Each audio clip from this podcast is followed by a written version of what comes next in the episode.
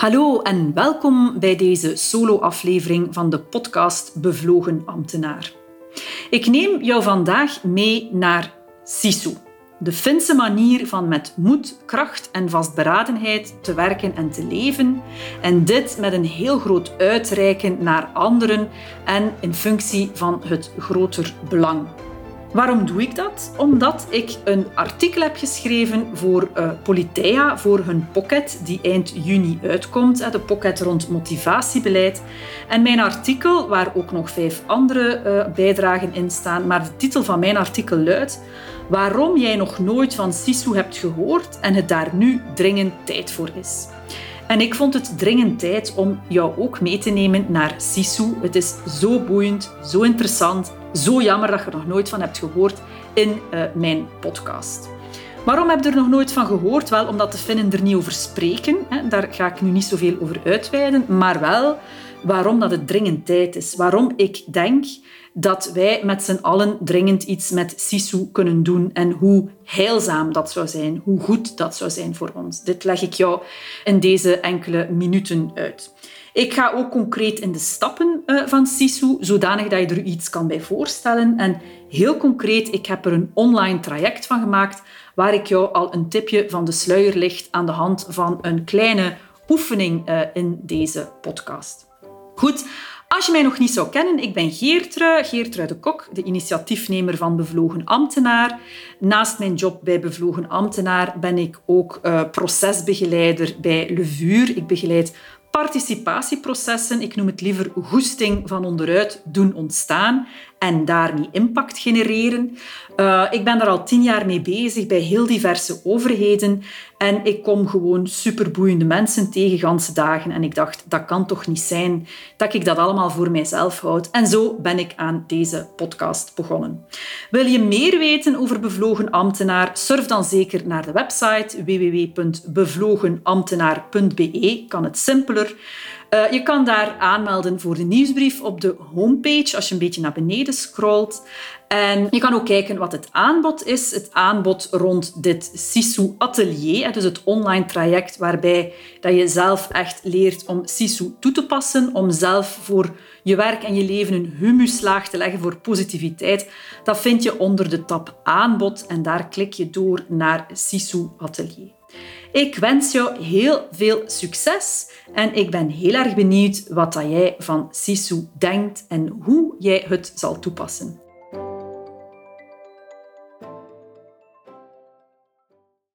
Het voorbije jaar was er één als nooit tevoren. We moesten onszelf continu heruitvinden in deze bijzondere periode. En samen zijn we erin geslaagd om zaken die we niet voor mogelijk achten, toch te realiseren. Nu, we zijn tegen obstakels aangelopen. We hebben teams zien verbrokkelen, frustraties groeien, bijzondere grote sociale afstand, een gebrek aan erkenning en waardering, ondermijnde de motivatie, mensen waren moe. Maar moeilijkheden en obstakels die horen nu eenmaal bij het leven en bij de organisaties waar we werken in onze maatschappij. Obstakels maken meer dan ooit zelfs deel uit van deze toch wel steeds veranderende zogenaamde VUCA-wereld. En ik denk dat, ik dat, niet, of dat je daar helemaal mee akkoord bent, dat dat ook wel zo zal blijven en alleen nog maar meer zal worden. We kunnen deze zogenaamde onvoorziene omstandigheden maar beter als onze standaardmodus instellen. En hoe doe je dat, zoiets als een standaardmodus instellen? Voor mij heeft het hele coronaverhaal dat echt wel getriggerd. Die vraag van, ja maar ja, we spreken hier over een crisis, of ze is nu wel heel tastbaar geweest. Ze heeft ons ook allemaal heel erg geraakt. Maar we zitten in zoveel andere bijzondere omstandigheden die zo precair zijn. De, de, de klimaatopwarming, uh, bijzonder vele zaken. En dus heb ik mij afgevraagd van hoe doe je dat? Hè? Die onvoorziene omstandigheden of hoe, zet je die, die, die, die flexibiliteit als uh, standaardmodus in? En misschien heeft een land, een volk in een donkere uithoek van Europa waar dat wij Vlamingen eigenlijk niet zoveel van weten, misschien wel een antwoord. En jawel, dat antwoord zou wel eens Sisu kunnen luiden. En Sisu, wat is dat nu? Wel, in het boek Sisu van Johanna Nulund zegt ze... Sisu is een mythe en het is echt. Het is een nationaal icoon. Het is een gevoel. dus het is niet zoiets dat, dat je in 1, 2, 3 kunt uitleggen. Het is iets dat heel gelaagd en heel uh, genuanceerd is. Nu, vraag je je waarschijnlijk af, wat heeft hij toch met die rare Sisu en wat heeft hij met, met die Finnen? Wel, voor mij zie ik daar een hele straffe paradox in. Namelijk Finland als het gelukkigste en het donkerste land ter wereld. Ik verklaar mij nader, ondanks de donkere dagen, lange winters en de crisissen die ze zijn moeten doorkomen. En ja, er zijn er heel wat geweest. Ken jij waarschijnlijk Finland vooral als je, al, als je daar al iets van weet, als het land met het beste onderwijssysteem. Dat is zo het verhaal dat toch wel tot bij ons komt. Ook dat ze bovenaan de World Happiness Index staan, het gelukkigste land ter wereld, al vier jaar op rij. Misschien is dat ook wel tot bij u gekomen. Eh, terwijl dat wij in België altijd maar naar beneden zakken op die lijst van de World Happiness Index. Maar dus die Finnen, die, staan, die blijven maar bovenaan staan, al vier jaar op rij. En um, ze doen het bijvoorbeeld ook heel goed op vlak van innovatie. Hè. Wij vinden ons Vlaanderen al zeer innovatief. Wel, Finland staat 20 procentpunten boven uh, uh, Vlaanderen in de, ik weet niet welke index dat is, maar de Europese index die innovatie vergelijkt tussen landen. Dus ook daar doen ze het zeer goed. Hè. Nu, nogthans, um, zou je kunnen zeggen dat Finland een underdog was, een meester in moeilijke omstandigheden. Het land kent een guur klimaat en vooral, het herbergt 2000, jawel, 2000 kilometer grens van de EU met Rusland. En ik moet er u waarschijnlijk geen tekening bij maken dat Rusland een nogal uh, weinig benijdenswaardige oosterbuur is. Geopolitiek is dat kleine, ogere, 5 miljoen uh, inwoners stellende landje Finland aan handen en voeten gebonden. Als de, de Russen hoesten, dan regent het in Helsinki. Ik heb er mijn masterthesis trouwens over gemaakt. Ik ga er niet over uitweiden, maar ik zou dat zeker uh, wel kunnen. Dus als je dat weet, dat ze dus echt wel in een niet benijdenswaardige positie letterlijk ge, ge, gepositioneerd zijn, hè, uh, gelegen zijn. Als je ook weet dat ze tot voor enkele decennia, 100 jaar geleden, toen dat ze onafhankelijk werden, en ze zijn nog maar dikke 100 jaar onafhankelijk, toen waren ze een van de armste landen van Europa. Git zwarte armoede. Ze hebben heel wat crisissen gekend. Zoals ik al zei, als de Russen, als de Russen hoesten, dan regent het in Finland. Begin jaren 90, toen het ijzeren gordijn viel, ook dit was een uh, ramp voor Finland. Toen zijn ze door een immense economische crisis gegaan. Dus begin jaren 90 van vorige eeuw, dus zo heel lang is dat nog niet geleden. Een recessie die zwaarder was dan die uit de jaren 1930, dus je kunt tellen. Nu, wat heb ik toch met Finland? Wel, ik heb daar jaren gewoond en gewerkt. Het is allemaal begonnen als uitwisselingsstudent. Ik heb daar mijn zesde middelbaar opnieuw gedaan in een Finse middelbare school. Ik ben aan de UNIF daar gaan studeren. Ik heb mijn thesis over Finland gemaakt en ik ben dan vervolgens beroepsmatig ook in en met Finland gaan werken in een eh, groot verandertraject bij een multinational van Finse origine. En zonder het eigenlijk te weten, um, want ja, dat is gewoon iets uit mijn geschiedenis. En natuurlijk is dat wel een beetje bijzonder, hè, dat je zo'n jaar ergens in een buitenland zit. Uh, en ik denk dat dat ook wel een heel bijzonder buitenland was. Dat is niet zomaar als een jaar naar Amerika gaan, hoewel dat, dat ook wel bijzonder kan zijn. Maar dat Finland, dat was toch wel speciaal. En Finland en de Finnen, ik heb daar een soort van haat-liefde verhouding mee. Ze zijn onder mijn vel gekropen het doet mij iets. Hun, hun zelfrelativering, hun zwarte humor. Ze hebben een soort van stugge koelheid, terwijl, ze dat, terwijl dat ze eigenlijk ook wel heel erg in hun hart sluiten. En voor mij, Finnen zijn heel waarachtig. Ze zijn authentiek, ze zijn integer. En wat mij daar vooral ook in treft, is hoe dat ze in die paradoxen staan. Hoe dat daar echt wel tegenstellingen zijn in dat land. Hoe dat ze langs de ene kant zorgzaam zijn, echt heel zorgend voor elkaar, maar dat ze tegelijkertijd ook hyper resultaatgericht zijn. Dat is daar niet van uh, kumbaya en we gaan hier een keer veel praten en we gaan hier een keer goed zorgen voor elkaar. Ze doen dat, maar dat is zonder franjes. Dat is echt chaka, resultaatgericht. Ze zijn ook heel participatief en achteraf gezien denk ik dat voor mij daar de kiem is gelegd van de job die ik de laatste tien jaar zou doen, namelijk het begeleiden van participatietrajecten en dat ook op een strategische manier gaan doen. Ik denk dat ik dat heel erg heb meegekregen van uh, die Finnen. Ze zijn heel participatief en ze zeggen dat niet, maar ze doorleven dat. Als je daar als kind van uh, eh, 12 jaar zit je daar mee aan tafel met je ouders te eten en wat dat jij te zeggen hebt, dat is belangrijk. En dat wordt ook gebruikt en, en, en, en, en bij de beslissingen meegenomen. Toen ik daar uh, voor het eerst werkte, ik was dan denk ik 25 jaar, dat was een van mijn eerste jobs, wat ik te zeggen had, dat was heel belangrijk. Dus dat was voor mij echt ook wel een openbaring, uh, zal ik zeggen. Dus dat participatief zijn, dat iedereen nodig hebben en dat niet alleen maar in woorden, maar ook in daden, daar zijn ze gewoon enorm goed in. En ik heb daar heel veel van geleerd. Ik, ik vind dat ook heel bijzonder hoe dat zij dat doen. Dus langs de ene kant heel participatief, maar totaal geen blabla bla, of geen... Ze zijn ook tjaka, daadkrachtig. Dus die, die, die tegenstelling, die combinatie van die twee, dat is iets dat mij heel erg uh, triggert. En ik heb er natuurlijk ook ontdekt en ervaren hoe dat ze op een eigenzinnige manier omgaan met moeilijkheden. Hoe dat die beperkingen van daar in, de, in een uithoek van Europa te liggen met daar al die kilometersgrens met een moeilijke buur, hoe dat, dat hen op een of andere manier dat dat een sterkte is. Hoe dat ze er op een eigenzinnige manier gewoon voor gaan en hun ding doen. En bovendien, dus ik ken Finland heel goed. Uiteraard ken ik Vlaanderen ook heel goed.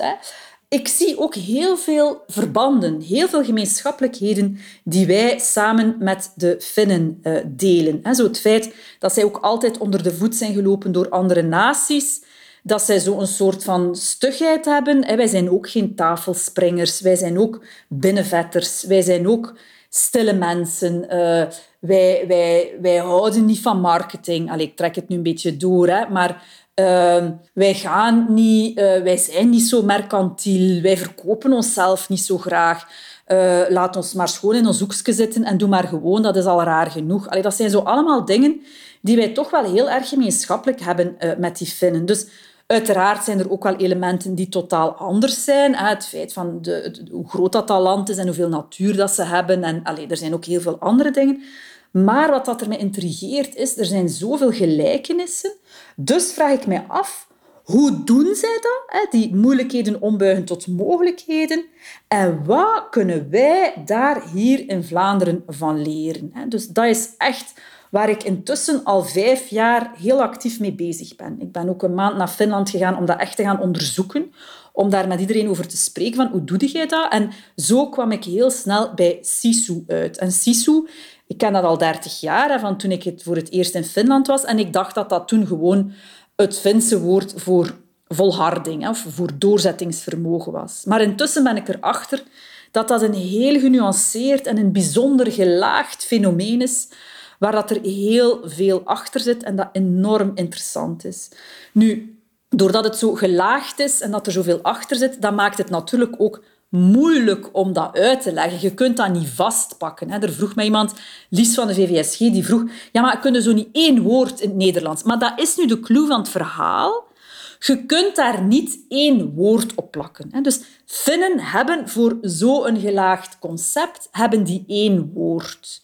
En dat is ook wat hen cultureel bindt. Je spreekt daar het woord sisu uit. Nu, je moet weten, ze spreken daar zelf zelden of nooit over. Als je op vakantie zou gaan naar Finland en je doet geen moeite, dan zouden waarschijnlijk dat woord gewoon niet eens tegenkomen. Dus ze spreken er niet over, maar het bindt heel erg. Iedereen weet heel goed wat dat is. En bovendien is dat ook iets dat voor iedereen anders is. Finnen zijn ook enorm gesteld op hun autonomie, op hun eigenheid. Ik denk dat ze ook heel erg gemeenschappelijk hebben met ons. Dus iedereen moet eigenlijk ook zijn eigen sisu gaan invullen. Vandaar dat dat ook zo boeiend is. Je kunt, als je echt goed, tussen aanhalingstekens, gaat in Sisu gaan toepassen, dan kun je ook nooit fout zijn. Hè? Want het komt uit jezelf en het klopt eigenlijk ook altijd. Hè? Ik hoop dat ik niet nu te veel in mysterie spreek, maar... Um, dus die, die, die eigenheid, die autonomie, die authenticiteit, die beetje koppigheid, ja, maar ja, voor mij is dat iets anders. Ik denk dat ze dat echt ook wel heel erg gemeenschappelijk hebben uh, met ons. Dus wat kunnen wij daar in Vlaanderen van leren? En door het feit dat ik intussen al ruim tien jaar met ambtenaren, met bevlogen ambtenaren, met mensen in een publieke functie werk, ben ik mij ook beginnen afvragen, ja, maar wacht een keer. Dat gaat echt over mensen die vaak die voor die job kiezen vanuit een, een, een, een enorme overtuiging en vanuit voor het groter belang, voor het algemeen belang iets te willen doen. Ja, naar mijn gevoel is dat extra interessant uh, voor, uh, voor die groep. Sisu is een, een mindset. Het is een levenshouding. Ik ben er ook een boek over aan het schrijven. Uh, uitgeverij Politea heeft mij dat gevraagd. En dat boek zal waarschijnlijk eind 2021 verschijnen. Ook heel specifiek gericht op mensen in een publieke uh, functie. Maar goed, het is duidelijk dat het een gelaagd iets is, dat het iets is dat je niet zomaar kunt uitleggen. Uh, maar waar ik dus vijf jaar al mee bezig ben, is van hoe kan ik dat nu toch vertalen? Wat kan ik daarvan maken en hoe kan ik het op een simpele manier eigenlijk binnenbrengen bij ons in Vlaanderen en om te starten in de publieke sector. En ik heb daar een online traject van gemaakt om dat echt heel simpel te kunnen toepassen. Dat is een traject dat over zes weken loopt. Dan denk je van oei, oei, zes weken, maar dat is heel licht en, en, en uh, tegelijkertijd ook diepgaand. Het is geen klassieke cursus, maar het is een, uh, een manier hè, om een soort van humuslaag te leggen voor optimisme. Een soort van yes, you can en ruimte in je hoofd te creëren.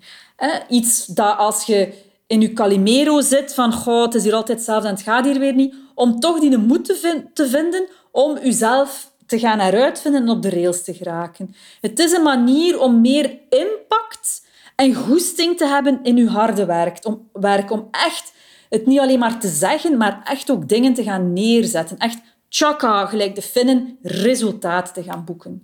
En ik wil jullie een tipje van de sluier lichten, namelijk uh, de, de, de topics hè, waaruit dat het uh, Sisu Atelier, zo heet het online traject, dat zijn de vertaalstappen uh, die ik van Sisu heb gemaakt, welke dat, dat zijn.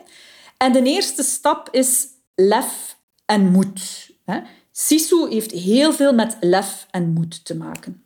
Een tweede stap is Start bij jezelf, maar dat betekent niet dat je egoïstisch bent. Maar je moet heel goed, en sisu betekent uh, letterlijk, is dat semantisch afgeleid van het woord binnenste.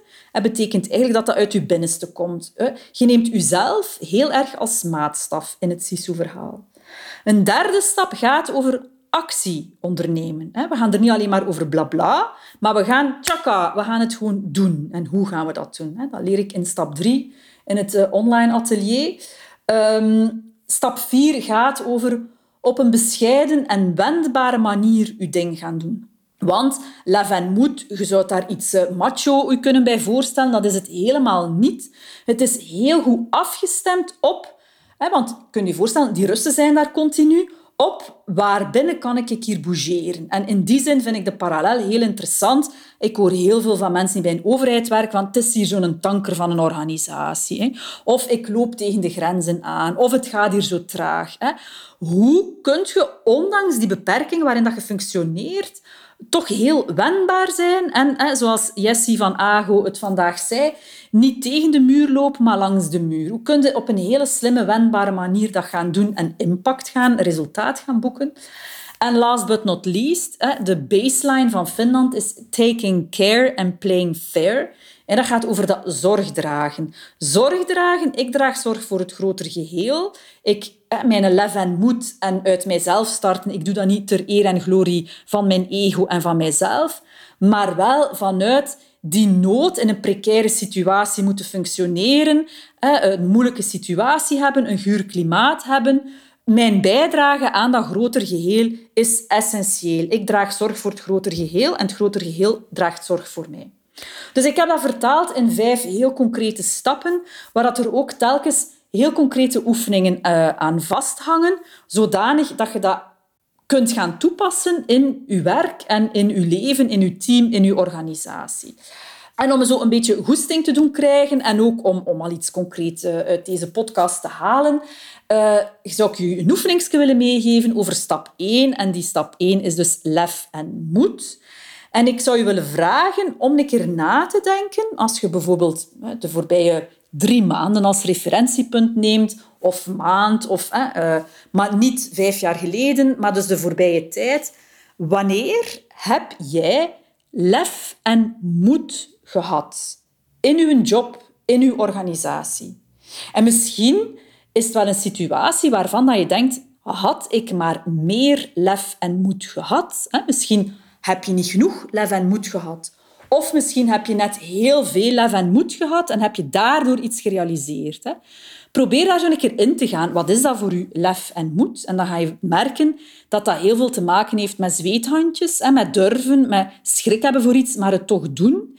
En dat je door het feit dat je getrokken wordt door die zorg voor dat groter geheel, hè, door de waarom dat je je job doet, waarom dat je het allemaal doet, dat je eigenlijk een stapje verder kunt gaan. Dus oefening, lef en moed. Wanneer heb ik lef en moed gehad? Hoe was dat? Gaat daar een keer in. Hè? Met wie was ik toen? Wat waren de randvoorwaarden dat ik dat toen heb kunnen doen? Wat waren de succesfactoren? Wat waren de drempels? Waarom was dat gemakkelijk of waarom was dat toen moeilijk? Of wat had ik nodig gehad om het nog meer te kunnen doen of om het nog beter te kunnen doen? Dus ga er een keer mee aan de slag. Ga een keer helemaal into lef en moed. Uh, en je gaat zien dat je een keer dat je daar voeling mee krijgt, dat je gewoon veel meer lef en moed gaat hebben en dat je ook meer impact gaat genereren in hetgeen wat dat je doet. Voilà, dat was het voor vandaag. Uh, ik wens je in ieder geval heel veel lef en moed. Tot ziens! Ben je getriggerd om Sisu echt te leren toepassen in jouw werk en jouw leven? Om ook zoiets te hebben dat een humuslaag legt van positiviteit, een actiemindset, uh, een set, een heel gelaagde set aan elementen waar je altijd kan op terugvallen? Dan nodig ik jou van harte uit om deel te nemen aan een van de gratis proefworkshops die voorafgaan aan het online traject. Dat heet het Sisu Atelier. Uh, en daar kan je komen proeven, krijg je ook al handvatten uh, van wat Sisu nu is. Meld je aan via de website bevlogenambtenaar.be en je klikt door op aanbod en daar ga je naar Sisu Atelier. Je kan dus ofwel aanmelden voor één van de proefworkshops. Die gaan door op 21 juni, 2 juli. Of de volgende golf is 16 augustus en 26 augustus. Dus je kan starten tussen 2 juli en 26 augustus met het traject nadat je een gratis proefworkshop hebt gevolgd.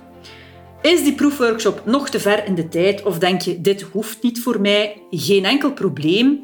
Je kan ook het SISU Atelier, het online traject, je kan er onmiddellijk mee starten. Sowieso krijg je een replay toegestuurd van een van de proefworkshops en het spreekt allemaal voor zich. Het is allemaal heel eenvoudig en mocht het niet duidelijk zijn, dan kan je mij contacteren op geertruatkansa2essen.be. Dus um, het spreekt voor zich. Uh, je hoeft niet per se naar de proefworkshops te komen. Als je zegt van yes, give me Sisu, ik wil dat deze zomer doen in mijn hangmat of ik wil het net doen op de rustigere momenten op mijn werk.